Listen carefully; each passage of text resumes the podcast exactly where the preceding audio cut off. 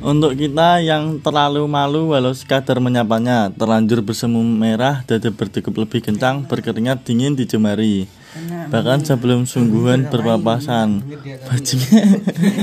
Untuk kita yang merasa tidak cantik, tidak tampan, selalu merasa keliru mem- mematut warna baju dan pilihan celana. Da- jauh dari kemungkinan menggapai cita-cita perasaan. Untuk kita yang hanya berani menulis kata-kata dalam buku harian, memendam perasaan lewat puisi-puisi dan berharap esok lusa ia akan sempat membacanya.